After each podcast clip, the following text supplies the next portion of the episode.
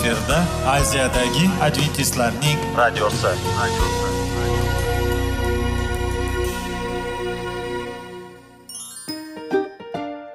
Assalomu alaykum aziz radio tinglovchilar. Sog'liq daqiqasi rubrikasiga xush kelibsiz. Zero tananing sog'lom bo'lishi va uning kasalliklardan saqlash har bir insonning burchi hisoblanadi. Inson uchun bebaho boylik bu sog'liq salomatlikdir. Uni asrash esa har birimizga omonat qilib berilgan. Shuning uchun ham inson o'z sog'lig'ini ehtiyot qilishi voajib amallardan hisoblanadi. Dono xalqimiz sog'liq tuman boylik deb bejiz aytmagan. Aql idroq sohibi bo'lgan inson o'z hayotini qadrlashi lozim bo'ladi. Hozirgi kunda qanchalik dori darmonlar ko'paymasin tibbiy muassa sifati shifokorlar vasiyasi tibbiy texnika yaxshilanmasin. Agar insonning o'z salomatligi haqida qayg'urmasa kutilgan natijaga erishib bo'lmaydi va biz sizlarga bizning dasturimizga xush kelibsiz deymiz.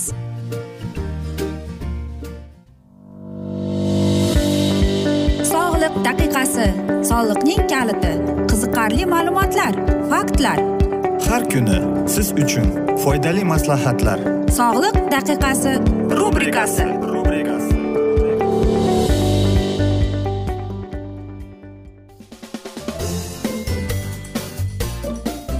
assalomu alaykum aziz radio tinglovchilar. Dasturimizga xush kelibsiz va biz sizlar bilan tana va sog'liq degan dasturda xushvaqt bo'ling deb aytamiz. Va bugungi bizning dasturimizning mavzusi bodom suti.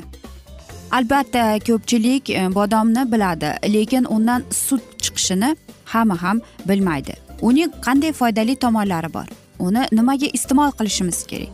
Qarang agar biz bodom sutini muntazam ravishda iste'mol qilsak bu mukobil bo'ladi va og'irlikni kamaytirishga yordam beradi. Suyak va yurakni mustahkamlaydi. Mushaklarga kuch beradi qon bosimni normallashtiradi va buyraklarni ishlashiga yordam beradi. Bodomning suti o'z e, yog'ini ichiga oladi lekin u kaloriyalar shuningdek yetarli protein lipidlar va tolasi bir podasi bor ekan. Bodom suti minerallarga boy kalsiy hisoblanadi. Temir magniy fosfor kaliy natriy va sink ham bor. Bundan tashqari vitaminlar tiamin riboflavin niasitin foliy kislotasi va vitamin e mavjud ekan. Bodom sutida xolesterin va laktoza mavjud emas. Shuning uchun uni uyda tayyorlash oson bo'ladi.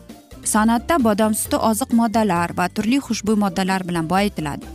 Bodom suti qon bosimini tushiradi.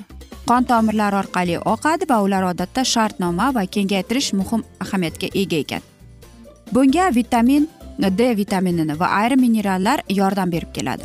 Suv iste'mol qilmaydigan odamlar bu elementlarning yetishmasligi bor va bodom suti oziq moddalar yetishmasligi o'rnini qoplash uchun yordam beradi. Xolesterinning to'liq yo'qligi tufayli bodom suti bu yurak uchun birinchi raqamli mahsulot hisoblanadi. Muntazam foydalanish bilan koronar yurak xastaligini rivojlanish kafi kamayib keladi. Sut tarkibidagi kaliy miqdori tufayli yurak yuki kamayib qoladi va tomirlar yaxshiroq kengayib qoladi. Bodom sutida vitamin e teri tiklash antioksidantlar katta miqdorda o'z ichiga oladi. Ushbu mahsulot shuningdek yuz terisini tozalash chunki bu tashqi ishlatish keladi. Kompyuter va gadjetlar doimiy foydalanish bu vahiy vahiyni kamaytirib keladi va ko'z ko'rish vazifasini tiklashga yordam beradi. Chunki unda vitamin a bor. Olimlar bodom sutini sigir sutidan farqli o'laroq ularda liposatin bor. U prostata saratoni hujayralarini o'sishini bostiradi deb turib biroq bu saraton uchun mukobil davolash emas balki faqat yordamchi sifatida profilaktika sifatida bodom sutini iste'mol qilib turishingiz kerak. Uning tarkibida bodom suti ona sutiga juda o'xshab ketadi. Bundan tashqari bolalar o'sishi va salomatligi uchun muhim ahamiyatga ega. Bu vitamin c va ddir temir bir poda o'z ichiga olib ketadi. Bundan tashqari bodom suti chaqaloqlarning uyg'un rivojlanishi va o'sish uchun aksil manbai hisoblanadi. Bu ichimlik vitamin b to'qqiz yoki foliy kislotasi o'z ichiga olib qaysi homiladorlik davrida homila rivojlanishiga tubining oldini olib keladi. Bodom suti ovqat hazm qilishni normallashtiradi va oshqozonni yuklamaydi. Bodom suti har qanday yoshdagi ayollar uchun e, ichish eng foydali hisoblanardi. Chunki u terini atrof muhitning zararli ta'siridan himoya qiladigan va chiroyli qiladigan e vitamini omega uch olti to'qqiz yog' kislotalari ko'p ekan. Kattalar uchun e, bodom e, suti sigir sutiga yaxshi alternativ bo'lib xizmat qilishi mumkin ammo rivojlanayotgan e, bolalar turli ozuqaviy ehtiyojlarni boshdan kechiradilar. Bolalarga bodom sutini beraylik aytaylik. Eng e, aytaylik shifokorlar bir yil e, ko'krak suti ichish kerak deb aytishadi. E, va ba'zida esa bu mumkin emas. Agar sut yoki aytaylik bu suya asoslangan boshlang'ich bo'lsa mutaxassislar sutning boshqa turlarini jumladan bodom sutini faqat bir yoshdan katta bolalarga berishni maslahat beradi. Chunki ona suti va formula yangi tug'ilgan bolaning xavfsiz rivojlanishi uchun zarur bo'lgan oziqa moddalarining o'ziga xos profilaktikasini ichiga olib keladi. Bodom suti bir yoshdan katta bolalarga ichish kerak bo'ladi.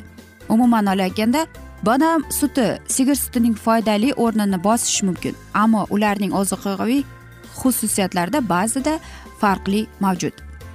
Ozuqaviy sigir suti va bodom sutiga nisbatan u farq qiladi. Ba'zi shifokorlar u yuqori yog'i bor deb aytishadi. Keksa yilda e, keksalarda esa bir ikki yildan sutdan bolalar uchun sut e, sigir suti foydalanish tavsiya etamiz. Bir stakan sutda tarkibida qarangki sakkiz gramm mavjud bo'lib u rivojlanayotgan e, bola miyasining rivojlanishi uchun judayam zarur. Taqqoslash uchun e, shakarsiz bodom sut faqat ikki yarim gramm o'z ichiga olar ekan. Xuddi shu hisobotga ko'ra sigir sutida bodom sutiga nisbatan ko'proq aksil mavjud. Bu bir stakan butun sutga deyarli sakkiz gramm aksil mavjud. Bir stakan mustahkamlangan bodom sutida esa faqatgina bir grammni e, mavjud etadi. E, biroq agar bolaning ratsionida yog'lar va aksillar mavjud bo'lsa bodom suti bu Um aytaylik mos bo'lishi mumkin ekan. Sigir sutini shakarsiz e, bodom sutini ko'proq shakari bor ichida. Shuning uchun siz bolangizga bir yoshdan oshiq bo'lganda berishingiz mumkin. Bodom sutini muntazam aytaylik bir yoshgacha bo'lgan bolalar uchun ko'krak yoki sut sutini yaxshi almashtirmaydi har qanday yoshda. Agar bola ona sutini ichsa boshqa sut talab qilinmaydi. Aziz do'stlar mana shunday bodom haqidagi sizlarga ma'lumotlarni berib o'tdik va men o'ylaymanki sizlarga foydali bo'ldi deb. Va afsuski bugungi mana shunday mavzuyimizni yakunlashimizga to'g'ri keladi chunki vaqt birozgina chetlatilgani sababli. Ammo lekin keyingi dasturlarda albatta mana shu mavzuni yana o'qib eshittiramiz. Va sizlarda savollar tug'ilgan bo'lsa biz sizlarni salomat klub internet saytimizga taklif qilib qolamiz. Va biz umid qilamizki siz bizni tark etmaysiz deb chunki oldinda bundanda qiziqarli bundanda foydali dasturlar kutib kelmoqda. Va albatta biz sizlarga va yaqinlaringizga sog'lik salomatlik tilab o'zingizni va yaqinlaringizni ehtiyot qiling deb xayrlashib qolamiz.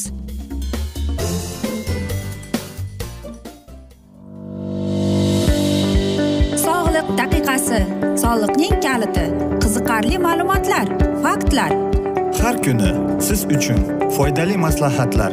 Sog'liq daqiqasi rubrikasi.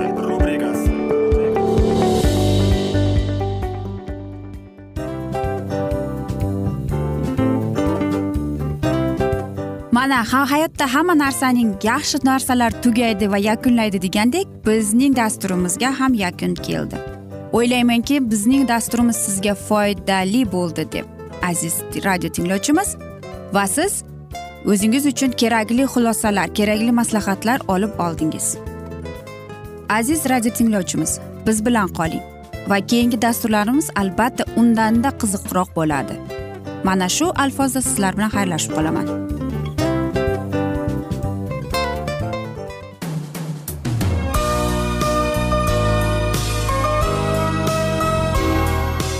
Efirda aziyadagi adventistlarning radiosi.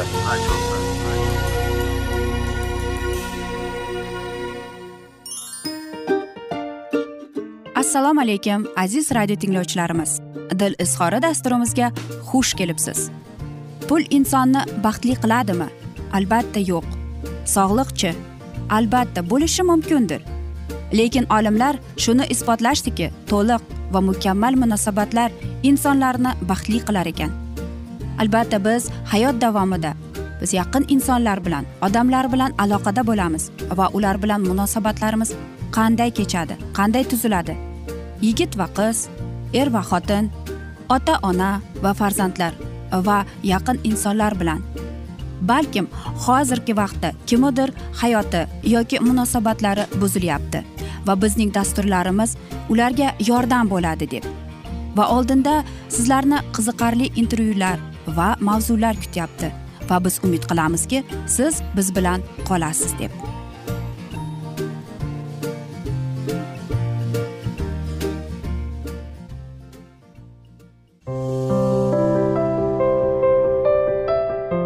Kuni har xil kasbdagi odamlar bilan sirlashish va bo'lishish sevgi rashq munosabat bularni hammasi dil izhori rubrikasida.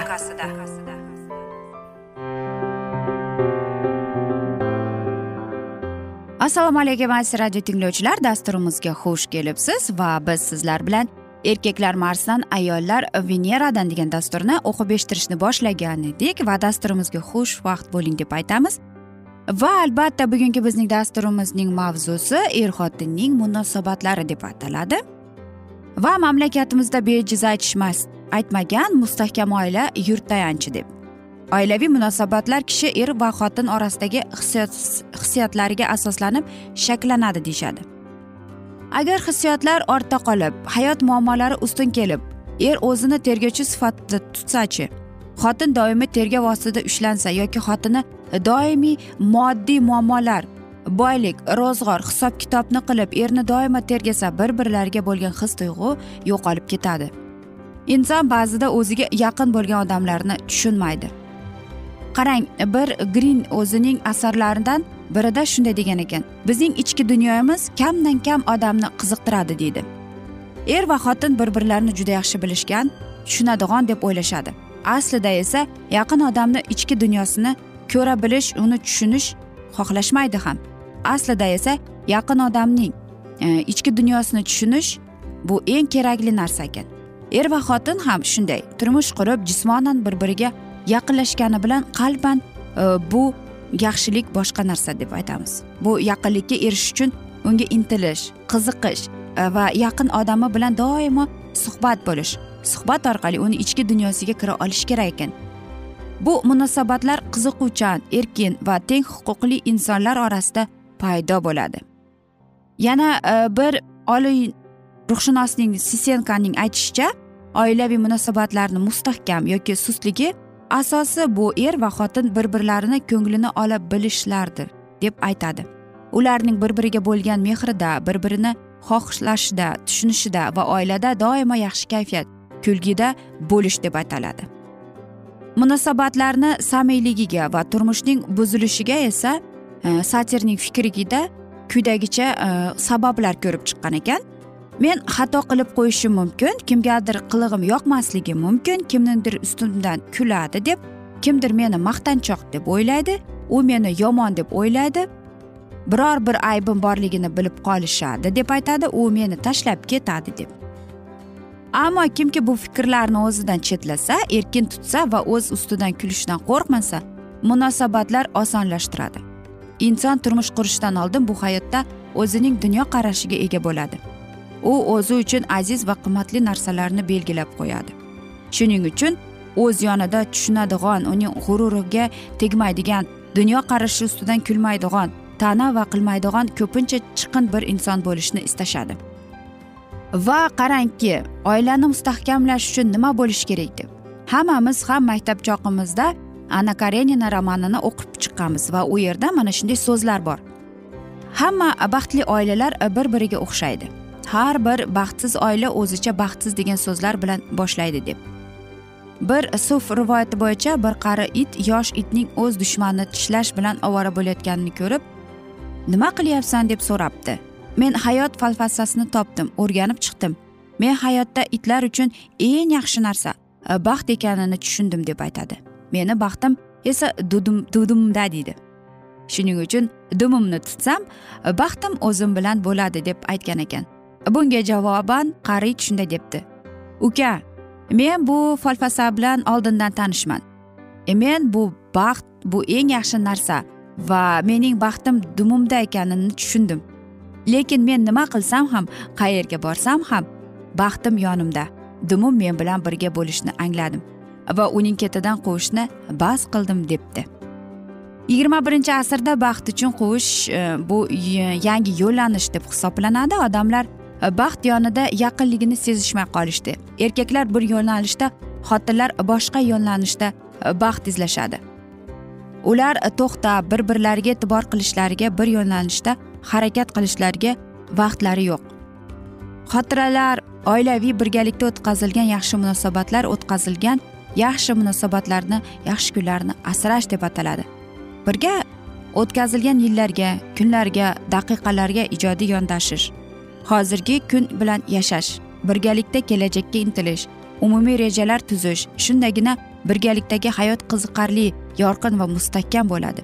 Oilaviy munosabatlarni mustahkamlashda ko'pincha faktorlarga er xotinning oilani saqlashga intilish oilani manfaati yo'lida kelishish ish qilish oilaviy ishlarda tashabbus ko'rsatib o'z hissasini ikkalasi ham baravar qo'llashi. Mavjud bo'lgan muammolarni oilani unutmagan holda u bilan birga yechish. Qiyin va og'ir estetik kunlarda bir biringizga qo'llab quvvatlashingiz turmush o'rtog'ini doimo tanqid qilish uni kamchiliklarni yuziga solmaslik kerak. Hamma narsaga salbiy qarash teskari e, bo'lish bu ishning hech qachon yaxshi bo'lmaydi. Dunyoda bo'ladigan ishlarga his tuyg'u bilan javob berish. So'z bilan ko'pirtirish. Oldindan oqqan suvning qadri yo'q deb bejiz aytishmagan boshqalarning qilig'iga tamg'a bosish qo'lidan kelmagan narsalar uchun aybni o'ziga olish. Va yuqoridagilarga xulosa qilib aytish kerakki sevgi formulasi har kim uchun o'ziniki bo'ladi. Bu formulani har kim o'zicha tuzadi va shu formulaga asosan yashaydi. Aziz do'stlar mana shunday asnoda men o'ylaymanki sizlarga dasturimiz mamnun va yoqdi deb va siz ehm, mana shu maslahatlarga rioya qilasiz. Biz esa afsuski bugungi dasturimizni yakunlab qolamiz chunki dasturimizga vaqt birozgina chetlatilgani sababli. Ammo lekin keyingi dasturlarda albatta mana shu mavzuni yana o'qib eshittiramiz va biz umid qilamizki siz bizni tark etmaysiz deb. Chunki oldinda bundanda qiziq bundanda foydali dasturlar kutib kelmoqda. Va albatta biz sizlarga va yaqinlaringizga tinchlik totuvlik sog'lik salomatlik tilagan holda o'zingizni va yaqinlaringizni ehtiyot qiling deb va aziz do'stlar seving seviling deb qolamiz.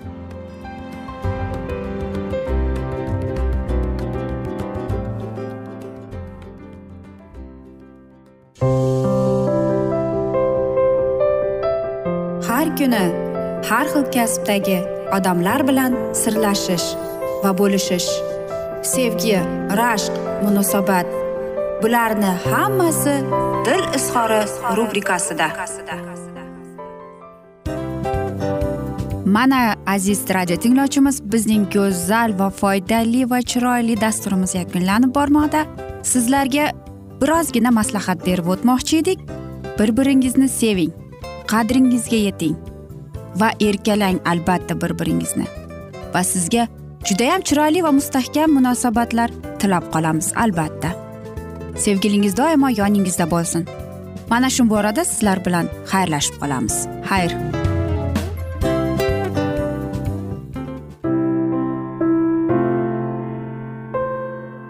Hayotning noni.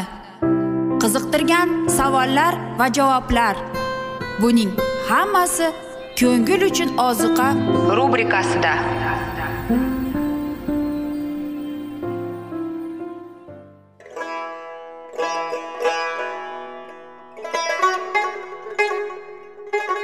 Assalomu alaykum aziz radio tinglovchilarimiz. Ko'ngil uchun oziqa rubrikasida xush kelibsiz deymiz. Siz haqiqatni izlayapsizmi? Olamnimi? Umidnimi? Siz kimga murojaat qilmoqchisiz? Odamlar ko'pincha siyosat kuchiga tayanadilar. Dunyo iqtisodiyoti holati tobora chuqurlashib bormoqda. Tabiiy ofatlar va texnogen halokatlar minglab insonlarning hayotini olib ketib juda katta zarar yetkazmoqda.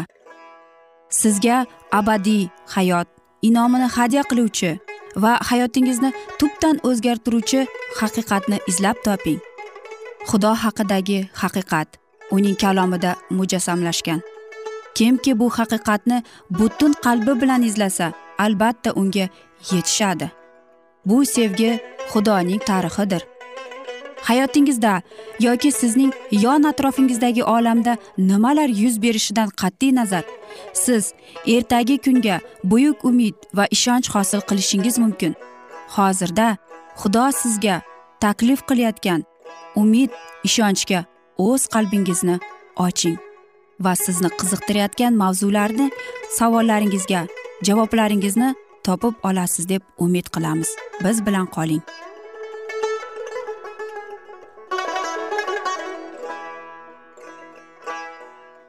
Assalomu alaykum aziz radio tinglovchilar. Dasturimizga xush kelibsiz va biz sizlar bilan ulug' kurash degan kitobni o'qib eshittirishni boshlagan edik. Va bugungi bizning dasturimizning mavzusi amerika muqaddas kitob bashoratida deb nomlanadi. Va biz sizlar bilan o'tgan galgi mavzuni bugun davom ettiramiz. Ikki shoxli hayvonning butun yer yuzini va unda yashovchilarni ular holatdagi yarasi sog'aygan birinchi hayvonga sajda qilishga majburlashi haqidagi ibora bu mamlakatning papa hokimiyati bilan ittifoqni anglatadi.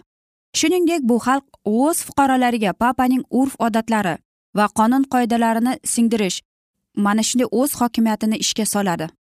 Ushbu harakatlar e, bu mamlakatning prinsiplariga uning erksevarlik qonun qoidalariga mustaqillik deklaratsiyasiga va konstitutsiyaning aniq va ulug'vor nimozumiga qarama qarshidir amerika mamlakatning asoschilari ongli ravishda jamoatni dunyoviy hokimiyatdan mahrum qilishga intildilar. Bunday harakatlar esa o'z navbatida so'zsiz murosasizlik va taqiblarga olib kelishi mumkin edi. Konstitutsiyaga ko'ra kongress biror bir e'tiqodni zo'rlab singdirishga xos bo'lgan harakatlarni yoki din erkinligini taqiqlovchi biror bir qonunlarni qabul qilish huquqiga emas deb aytdi. Aqshda insonning biror bir diniy e'tiqodga mansubligi uni mas'ul jamoat ishiga qabul qilishda asli hisobga olmasligini kongress tasdiqlaydi.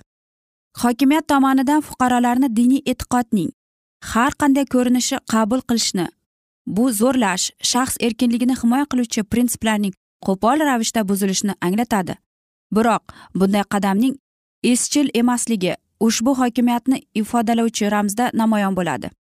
Axir ko'zi kabi ikkita shoxi bor hayvon uning go'yoki pokligini begunohligini va beaybligini ko'rsatadiku. Shunday bo'lsada biroq u ajdaho kabi gapiradi.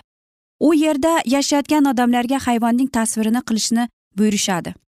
Ushbu so'zlar qonunchilik hokimiyati xalqning qo'lida bo'lgan idora usulini ko'rsatadi. Bu holat esa bashoratda aytilgan mamlakat aynan amerika qo'shma shtatlarining ekanligini eng hayratda qoldirgan guvohligidir. Biroq hayvon tasviri nimani anglatadi? U qanday shakllantiradi? Ushbu tasvir birinchi hayvonning nusxasi hisoblanib ikki shoxli hayvon ko'rinishida yasaladi. Ushbu tasvirning asl mohiyatini va uning shakllantirishini tushuntirish uchun hayvonning o'zini ya'ni papa hokimiyatining o'ziga xos xususiyatlarini biz yaxshi bilishimiz kerak. Ilk jamoat majusiylarning urf odatlarini va marosimlarni qabul qilib olganda injilning pokligi va soddaligini yo'qotadi. Jamoat insonlar ongi ustidan hukmronlik qilishga intilib xudoning ruhi va kuchidan ayrilib qoldi hamda madaniy dunyoviy hokimiyat egalaridan izlay boshladi. Buning natijasida papa hokimiyati ya'ni yangicha jamoat shakllanadi va u davlat hokimiyatini nazorat qilgan holda o'z foydasini ko'zlab ish tuta boshlaydi. Shu jumladan bidatchilardan o'z o'ch olish maqsadida e, jamoat nomidan ish tutadi. Amerika qo'shma shtatlarning hayvon tasvirini yaratish uchun e, jamoat iyerarxiyasi fuqarolar huquqini shu darajada nazorat qilish kerak ediki toki o'z maqsadlariga erishishni niyatida uning vakolatlaridan to'liq foydalana olsin.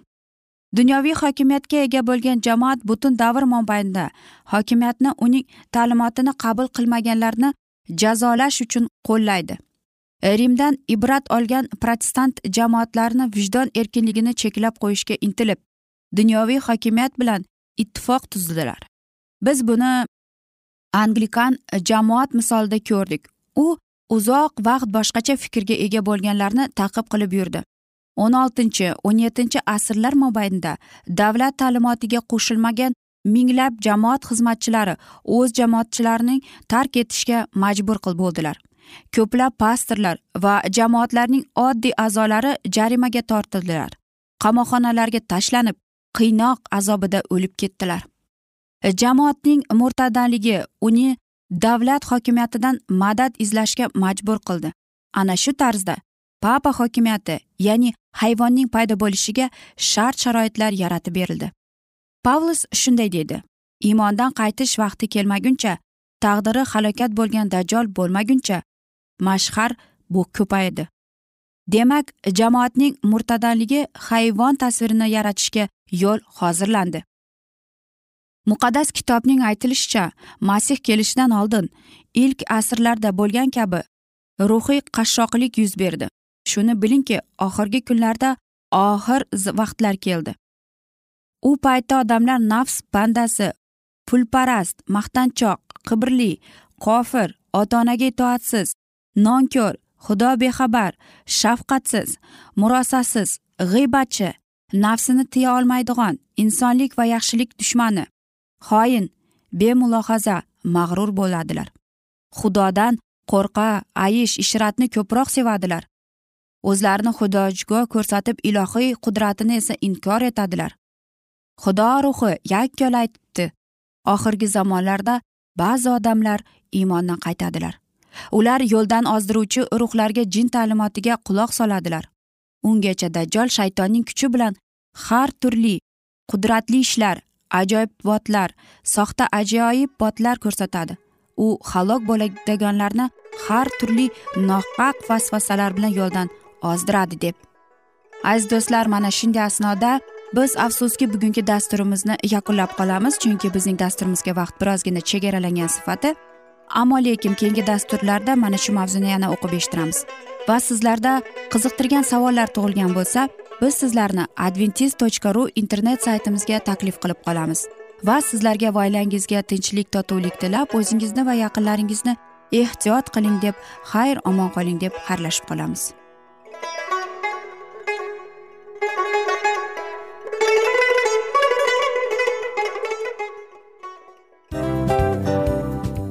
Afsus afsus.